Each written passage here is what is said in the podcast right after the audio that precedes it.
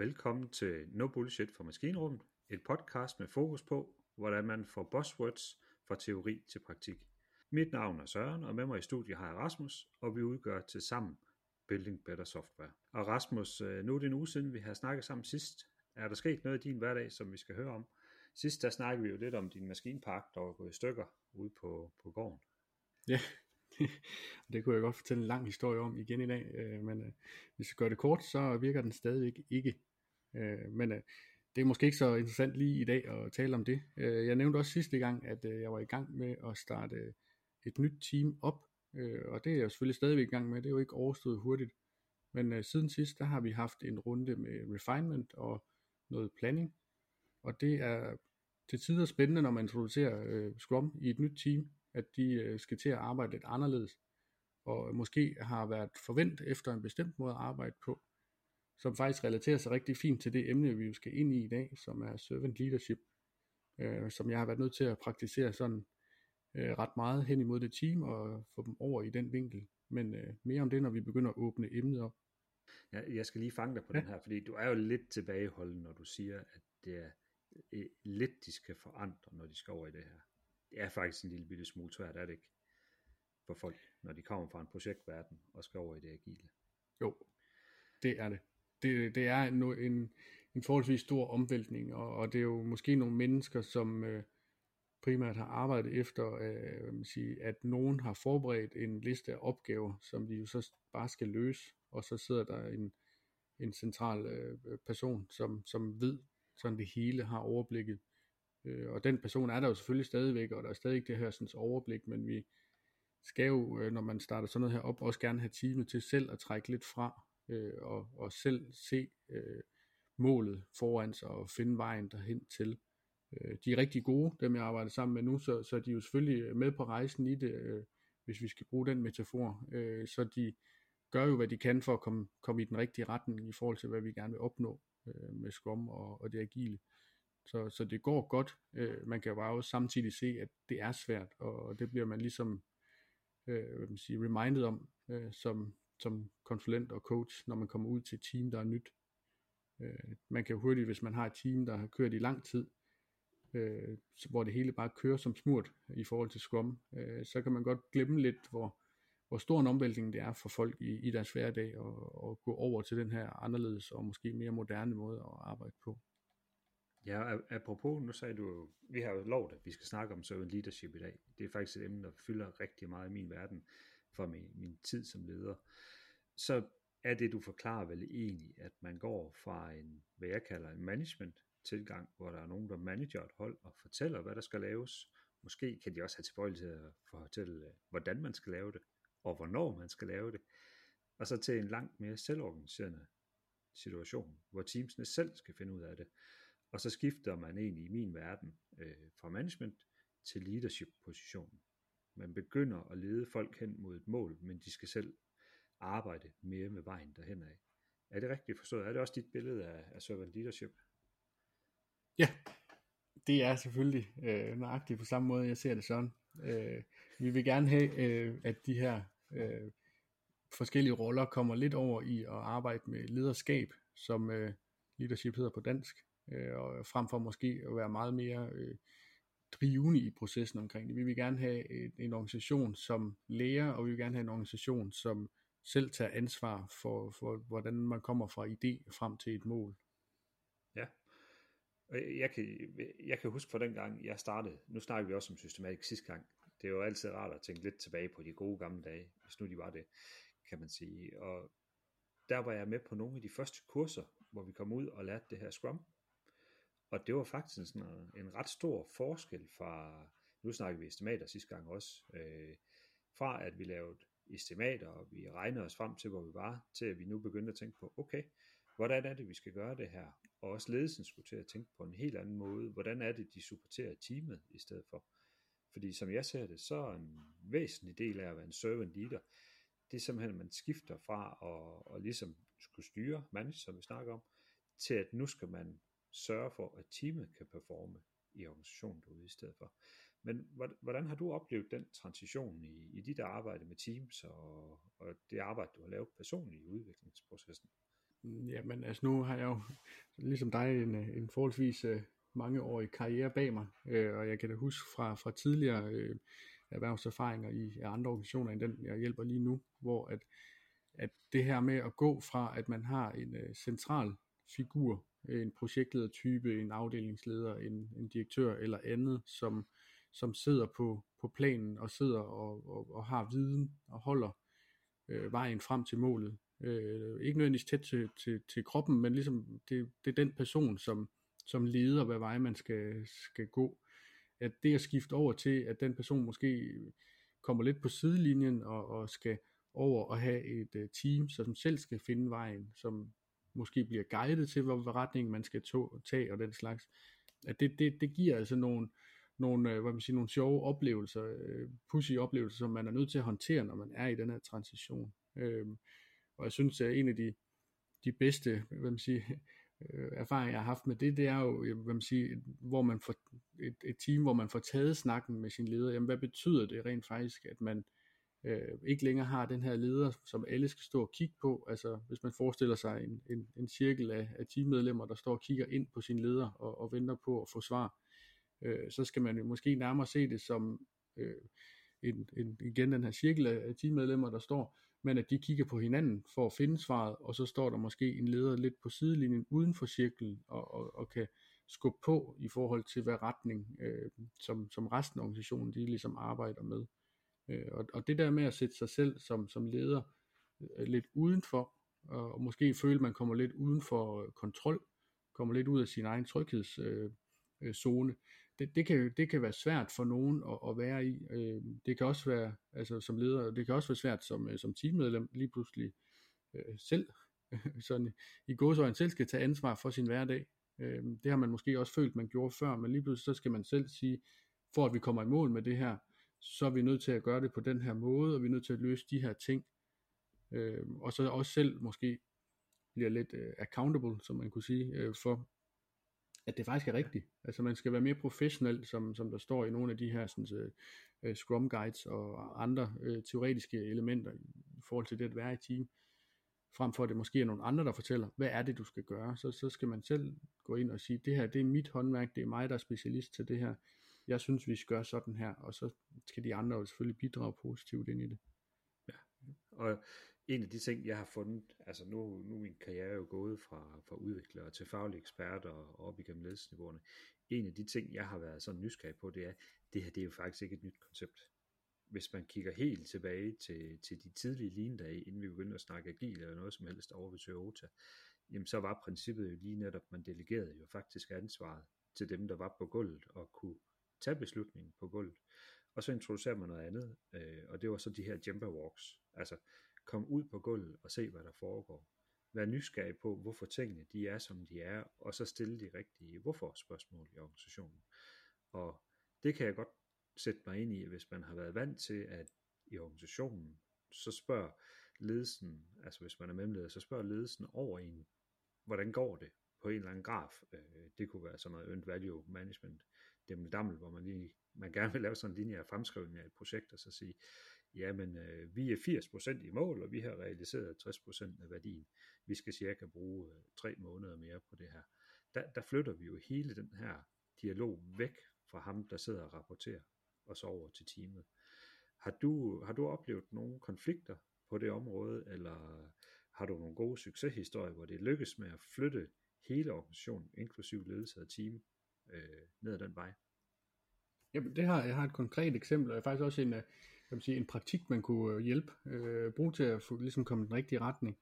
Øh, det er for nogle år siden, der øh, arbejdede jeg som øh, agil coach i, øh, en øh, unavngiven finansiel institution, men der, øh, der, der gik vi egentlig aktivt ind og, og, og, og hvad man siger, kaldte den her problemstilling, altså vi fik den synliggjort, sagt, at vi ved faktisk godt, at den er der, øh, og vi vil gerne prøve at se, hvordan vi løsner op for det, og vi vil gerne snakke om, jamen, hvad er det så det her øh, gør både ved organisationen, men hvordan løser vi det så også, og hvem skal løse det. Øh, og der øh, gik vi ind og tog fra den her øh, Management 3.0 øh, af Jürgen øh, Appello. Der er sådan et koncept, der hedder Delegation Poker, øh, hvor at man kan gå ind og tage en, en, en given situation, eller en, en ting, man normalt vil håndtere som leder, og så kan man prøve at tage en snak med øh, medarbejdere om, hvis vi har den her situation, hvis den optræder, hvordan synes I, eller synes vi, at vi gerne vil håndtere den. Altså, og det, det prøvede vi i den her organisation, hvor vi havde vores øh, per team faktisk havde vores Scrum Master inde, og vores Product Owner, og selve teamet, sammen med en, øh, en afdelingsleder, og tog vi nogle helt konkrete situationer op, og så siger vi, jamen, som team, hvordan vil vi gerne agere i det her? Vil vi gerne have, at vores ledere kommer og træffer en beslutning, eller vil vi gerne selv kunne træffe beslutningen? Vil vi gerne have, at vores product owner for eksempel øh, løber med det at finde en beslutning ud med, mod en kunde for eksempel, eller noget andet? Altså, mm. hvordan vil vi gerne gøre det? Og så får man sådan både åbnet for den her diskussion, men man får egentlig også sat nogle rammer for, hvad er det så, øh, det betyder at være i vores team. Øh, og noget af det, der er vigtigt i min optik, når vi snakker om det her lederskab og servant leadership, det er selvfølgelig, at man skal være den her sådan, servant øh, leader ind i det. Altså det kommer vi nok også tilbage lidt mere, hvad vi kan definere det som. Men udover det, så skal man jo også kunne sætte nogle rammer for at sige, der er faktisk et mandat, som I har i organisationen, og så er der et mandat, der kræver min involvering som leder. Så det er ikke alt, man kan få uddelegeret, men der er nok ret mange ting, man kan. Og så kan man tage en snak om det. Ja, og hvis, hvis man skal blive helt konkret, ikke, så er det jo ikke et spørgsmål om, man må hente en blyant ud på lageret. altså, man, man laver delegation poker, hvor man har et behov for at definere nogle skældsættende beslutninger i organisationen. Det kan være, øh, kan vi pålægge projektet løber over tid? Kan vi, kan vi vælge en anden form for implementation af en feature i praksis, fordi det her, det giver ikke mening, eller vi kan se, at brugerflåt det bliver, bliver anderledes. Og, for mig at se, så, så delegation poker, det er en rigtig god måde at gøre det her på. Og jeg plejer også, når, når teams bliver mere modne, så begynder vi at arbejde lidt mere med, med guidelines, eller det man på, på fornemmelig vis kan kalde heuristikker. Og tit så har jeg opereret med ledere som, jamen indtil andet er bevis, så gør I jo selvfølgelig det rigtige, og så må vi forholde os til, som tingene skrider frem, hvad det forkerte så er, så hele spillepladen egentlig bliver åbnet op for, at, at teamet kan, kan sætte retning og, og arbejde mest effektivt at træffe de rigtige beslutninger i den proces. Mm. Men Rasmus, du hæver også emnet, vi skal lige have, have servant leadership, eller hvad vi egentlig kalder den moderne ledelsesform, lidt mere præciseret, hvad det egentlig er. Øh, og jeg, for mig, så når jeg har været, jeg tror jeg har været servant leader, jeg har ikke fået et konkret feedback på det, så har jeg haft mega meget fokus på at være vandbærer til teamet. Lidt ligesom hvis man ser et cykelhold. Vi har haft nogle stjerneangribere, som har kørt sprinter, som har kunnet løbe nogle bolde i mål. Vi har haft nogle det jeg vil kalde hjælperyttere, som har, har virkelig kunne holde bussen kørende for, for de virksomheder, jeg har været i. Og min vigtigste opgave, det har simpelthen været at, at bygge det her team op og sørge for, at der er en forståelse imellem dem, en tillid mellem dem, og så sørge for at fjerne impediments. Men har du andre ord, du kan sætte på det? Og måske ja. fra en medarbejderside, hvordan det opleves? Øh, jamen, øh, når jeg nu går ud selv og snakker øh, om det at være en Scrum Master, for eksempel, som jo per definition er en servant leader, øh, så plejer jeg egentlig at have sådan øh, fem bullets, jeg putter på enten en slide eller skriver på en, øh, en flip over. Øh, og nummer et, det er, at øh, man skal lytte mere end øh, man taler, når man er en servant leader. Øh, man skal altid forsøge at se øh, udfordringer fra teamets vinkel, og man skal være en person, der forsøger at hjælpe med at løse udfordringer. Man skal ikke være en person, der påtager sig alle udfordringer og ligesom løser dem for teamet. Og nummer 4 er at sætte... Er du bare nødt til at forstå. Ja, sorry. Du er simpelthen nødt til at forstå, når man er sat til at lede en afdeling, så skal man træffe de beslutninger. jeg, jeg kan, ej, det er jo selvfølgelig sarkasme det her, ikke? Du ved godt, hvad jeg mener. Ja. Øh, ja, ja øh, og jeg har faktisk to mere. Så... Jeg kom til at afbryde dig. Nej, det er fint. Jeg har to mere. Øh, og den øh, næste her, det er så det, at øh, når man er den her øh, leader, øh, servant leader ind i det her, så skal man få sat de her rammer. Jeg taler også om den sidste gang, øh, og jeg kan huske for nogle år siden, der var jeg afsted på sådan et af de her øh, Certified Agile Leadership kursus fra Scrum Alliance, og noget af det, jeg tog mest med hjem øh, og fik værdi af at bruge øh, bagefter, det var det med at nærmest tegne en, øh, en firkant på en tavle og sige, hvad er det, der ligesom er inden for rammen for min organisation, hvad er det, vi ligesom må tage en beslutning om, Øh, og hvad er det så, der er uden for den her ramme? Så altså sørg for, at der er sat en ramme op for, hvad, hvad der er mandat til, og hvad man siger, også hvad for et ansvar, der så følger med det her sådan, mandat. Øh, og så den sidste bullet, jeg plejer at tage op, det er så det, at man skal uddelegere flere beslutninger, end man selv træffer. Øh, og det ligger så godt op ad, op ad den her ramme ja. med at få defineret det. Øh. Ja. E, en af de, øh, en af de ting, risici, jeg har observeret i det her, det er, at når man begynder at gå over i det her setup, så kan det være virkelig svært. Og så kan der faktisk opstå noget, man kalder seagull management. Og det ved jeg ikke, om du kender det begreb. Men seagull management, det er, når man øh, får en leder, som kun er til stede i situationer, hvor det er ved at være kritisk, og der skal træffes hårde beslutninger. Så kommer de ind i et mødelokal, så råber op og skraber de op, og så overskider de hele, og så går de ud af mødelokalet igen. så hvis man får sådan et billede af, af sådan en, en måge, der, der flyver ind og lige ordner det hele, og det er det, øh, hvis man går tilbage til vores tidligere dialog, så har vi også snakket lidt om, om radikal transparens, øh, mm. hvor der er en, en dame, der hedder Kim Scott, der har skrevet en bog. Det er det, hun kalder absentee management. Og det binder også lidt ind i det her, fordi hvis man som leder trækker sig alt for langt i dialogen, og ikke en del af dialogen, så misser man måske de vigtige pointer, og så kan man risikere at komme ind i en situation, hvor alle folk, de egentlig sidder, at de er klar til at træffe en beslutning, og så omgør man det hele. Har, har du haft fornøjelsen af sådan en, øh, en, en havmåge i dit arbejdsliv? Ja, øh, øh, jeg vil sige, begrebet, med, som du nævner her, det bruger vi også nogle gange omkring øh, konsulenter. At den type konsulenter ser vi også nogle gange, der går ind og øh, hvad man siger, dropper bomber rundt i organisationen, og så rejser de videre til den næste organisation, uden egentlig at, at se sig tilbage. øh, det, der håber vi virkelig ikke, at nogen af vores øh, samarbejdspartnere og kunder ser, ser Søren og jeg som den type. Øh, så, nå, men tilbage igen. Øh, jamen, det har jeg eksempel, det, ja Søren, det har jeg da også et eksempel på. Øh, jeg kan huske for, for nogle år siden, der var jeg med til sådan en seance, hvor at øh, vi sammen med øh, et team og, og ledelsen skulle gå ind og prøve at, at lave en, en slags øh, retrospektiv på noget, der var øh, sket i organisationen, og så få defineret en handlingsplan ud fra det, som vi så bagefter skulle øh, hvad man siger, eksekvere på i forhold til at, at kunne håndtere øh, den slags ændringer fremadrettet. Øh, og da vi havde brugt øh, halvanden time øh, med noget brainstorm på, hvad der var godt og hvad der var skidt, og hvad man så kunne gøre og alt muligt, øh, så rejser den her leder sig op og siger, det ser rigtig fint ud, det I er kommet med, øh, med lidt omskrivning, så passer det ind i den plan, jeg har lagt. Prøv at se her. Bum. Ja, det er jo et klasse eksempel. Lige præcis. Og det gør jo ikke noget godt for nogen, vel? Øh, det kan godt ske, at lederne bagefter synes, det var nok en god session, jeg fik involveret medarbejderne. Øh, men medarbejderne følte sig jo ikke involveret. De kunne jo godt se det bluff, der var, der var kørt på der. Øh, og det der jo så skete efterfølgende, det var jo også, at når lederen så går ud og, og skal køre den her plan, øh, det er jo, der er ikke nogen, der, der er med på den, fordi de, de føler sig jo ligesom ført bag lyset på det hele her. Øh. Ja, ja, fordi vi står sådan set i worst case scenario, ikke vi, vi står med nogle folk, som er forholdsvis dygtige til det, de laver. De har begået en fejl, og de åbner op og blotter sig for at udstille og forbedre på det, de gør i bedste mening. Og så kommer der en, som måske ikke har været del af problemet, og så siger de, bum bum, det er den her vej, vi kører venner. Og så har man sådan set slået tilliden i organisationen fuldstændig tilbage, om han har misforstået, hvad det er at være en leder. Så er man inde og, og gør det, jeg vil kalde micromanage. Man har fuld ud hænderne på tingene, man løser opgaven, man lytter ikke, og man snakker kun, når man synes, det er betimeligt. Og det, det er simpelthen en kæmpe stor risiko, når man transitionerer fra det ene til det andet, fordi øh, fra siden af, fra min egen side af, så kræver det også mod til at have en vis mængde af tab af kontrol med organisationen, og det, der bliver sluttet.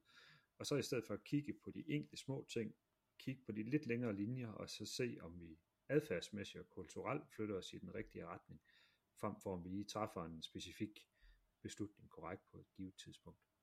I min bog i hvert fald. Mm, det er helt enig. Øh, hvad, hvad så? Øh, det, det kan godt blive lidt løst for medarbejderne det her.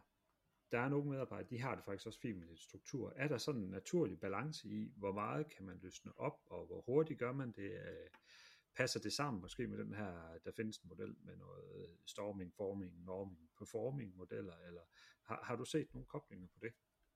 Øh, Eller har yeah. du nogle tricks til, hvordan man kommer på rejsen på at skifte fra management til leadership? Jamen, altså, der findes jo mange tricks. det er ikke alle sammen, der er gode. Øh, og der er jo forskellige, hvad man siger, alt for organisation, man er i, så, så kan det jo give mening at gøre nogle forskellige ting. Øh, noget af det, som, som jeg selv har været med til, det er at lave det sådan fra dag til dag. Altså at sige, øh, fra i morgen, der prøver vi at gøre det her. Og det er jo lidt ligesom at kaste øh, hvad man siger, en håndgranat ind ad døren, og så lukke den, og så se, hvad sker der. Ja, god men det, med det, gutter. Vi ses. Ja, lige præcis. Øh, men det kan have sin fordel, fordi så kommer man jo hurtigt i gang med det. Øh, man er bare nødt til så også som, øh, som leder, og, og måske også som, som den øh, konsulent eller coach, der skal hjælpe dem, være klar til at gribe det. Øh, for det er jo klart, at hvis man har en situation, hvor at man tager en leder ud af ligningen, altså øh, måske lukker døren ind til vedkommende, så teamsene kan sidde selv, at, at så er man nødt til at finde ud af, hvordan hjælper vi så teamet i en retning, hvor at, at, at de så bliver i stand til at, at hvad man siger, påtage sig det her mandat. Øh, ja. Og, og, og det, kan, det kan jeg jo bare sige at sådan af egen erfaring, at der har jeg prøvet situationer, hvor det ikke er gået godt, hvor man ikke har været i stand til at, at, ligesom håndtere den situation, hvor at, at både ledere og egentlig også teams følte, at der blev enormt langt imellem dem. Mm. Øh, jeg husker, jeg arbejdede sammen med en leder på et tidspunkt, som, hvor han, øh, han var kom ind i det her, hvor at de havde prøvet at smide håndgranaten. Øh, rent fysisk, så sad han øh, på den ene side af den her gang, og teamet sad i et åbent lokale på den anden side af gangen. Øh, det i sig selv er selvfølgelig lidt en gammeldags måde at indrette sig på, ikke? men han var vant til at være en del af deres øh, måde at arbejde på, deres team, så han følte jo, at han var en stor del af det. Og så det, at man indførte Scrum hos dem, så følte han lige pludselig den der gang på en meter, der var blevet meget, meget lang, fordi han vidste faktisk ikke, hvad der skete derinde. Nej. Og hvorfor gjorde han ikke det? Hvad, hvad var sådan? Altså, satte han sig ind på sit kontor, når han mødte klokken, øh, klokken 9, hvis det er direktørtid, ikke? Og så, så passede han sin egen ark og sin mails, og så gik han hjem klokken 5 eller 6, hvornår man nu går hjem som, som leder, eller hvordan var flowet i organisationen? Ja, altså øh, i, i den der kort periode, hvor han netop udtalte det her, altså der var han jo utrolig frustreret, fordi hans hvad man siger, traditionelle måde at være leder på, hvor han var i centrum for mange ting, det var jo, når han mødte ind om morgenen, så tog han jo en runde hos medarbejderne og fik snakket med dem om, hvad, hvad han syntes, de skulle lave den dag, og hvad det ja. så ligesom skulle være planen, og, og han fik også måske givet input til, hvilke tekniske løsninger han syntes, de skulle arbejde på, hvordan de skulle ja. gøre det. Øh, og det gjorde, måtte han jo lige pludselig ikke, fordi at vi havde fortalt ham, at det gør man ikke i Scrum. Der skal lederen trække sig væk fra teamet. Øh, ja. Og det er måske også rigtigt. Det er måske bare ikke 100% rigtigt. Så, så, så det, der manglede lige den situation, og det fik vi selvfølgelig arbejdet på plads, altså fundet ud af, hvordan han stadigvæk er en utrolig vigtig øh, rolle i sådan en organisation, og han er også vigtig for teamet og sådan noget, ikke? Jo, fordi vi, vi jo egentlig ikke, så nu er vi øh, tilbage måske i grøften af det, der, der er fraværende ledelse, kan man sige. Øh, og den, den svinger typisk fra fraværende og så over i micromanagement. Så det vil sige, når man føler, man er ude for kontrol, så bliver man nødt til at micromanage og sætte sig ind i detaljer. Og det vi egentlig søger i stedet for, det er jo en leder, som er et aktivt partnerskab med sin organisation, og som forstår, hvad der foregår, kan fjerne, altså flytte nogle forhindringer og, og sørge for, at teamet performer, men samtidig ikke blander sig i, hvordan teamet løser opgaverne. Men det er ok at være med i sessionerne og, og stille spørgsmål og være nysgerrig på, hvorfor tænker de, som de gør? Fordi de færreste folk er jo kommet dertil, hvor de er uden at vide noget, eller kunne noget. Altså typisk så har man øh, en karriere bag sig, eller man, man har tidligere ekspertise viden på, på et område, hvor man nu så skal til at lede folk, som, som skal gøre det, man har gjort før. I hvert fald i min optik. Øh, og det, det er sindssygt vigtigt. Især som konsulent, så prøver jeg tit at prikke til, jamen, hvordan er det, jeg får skabt det rigtige rum her imellem de her mennesker, for den her interaktive dialog. Hvordan får jeg en nysgerrig ledelse, som er, er på gangene og, og går ud og, arbejder derude, og hvordan får jeg skabt et team, som er i stand til at tage beslutningerne og træffe de rigtige valg i samarbejde med dem. Øh, Rasmus, jeg tænker også, vi er, vi er ved at nå kanten for, hvad vi, vi kan nå i den her podcast, men øh, hvis vi lige skal sætte de her bullets op igen, så har du lige en 5-6 punkter, som man skal huske som moderne leder, og det er måske værd lige at, at riste de vigtigste tre af dem op, øh, ud fra din vinkel af. Ja, jamen øh, jeg synes, den alt, overskyld, alt overskyggende vigtige, det er, at øh, man skal lytte mere, end man taler. Og den næste, jeg synes, der er på den her liste, det skal være at øh, hjælpe med at løse udfordringer sammen med sin organisation. Og så den sidste, jeg vil øh, fremhæve her, det er, at man skal uddelegere flere beslutninger, end man selv træffer. Ja, det er super god råd. Jeg vil gerne bygge en øh, bro til næste podcast så. Nu har vi øh, været lidt omkring forskellige emner, og nu står vi med den moderne leder, og det næste, jeg tænker, vi skal snakke om så, det er, okay, hvis ikke jeg skal være nede i alle detaljerne, og, og jeg skal lytte, og jeg skal, øh, skal give noget retning, jamen så næste gang, så lad os tage en snak om det, der hedder transformation leadership. Det vil sige, hvordan bygger vi en vision af, hvor skal vi hen som organisation, som, som medarbejderne de kan, øh, kan støtte op om og være med til at drive fremad i organisationen. Og derover så vil vi gerne fra øh, No Bullshit fra Maskinrum sige tak for, at I lyttede med, og på genhør næste gang.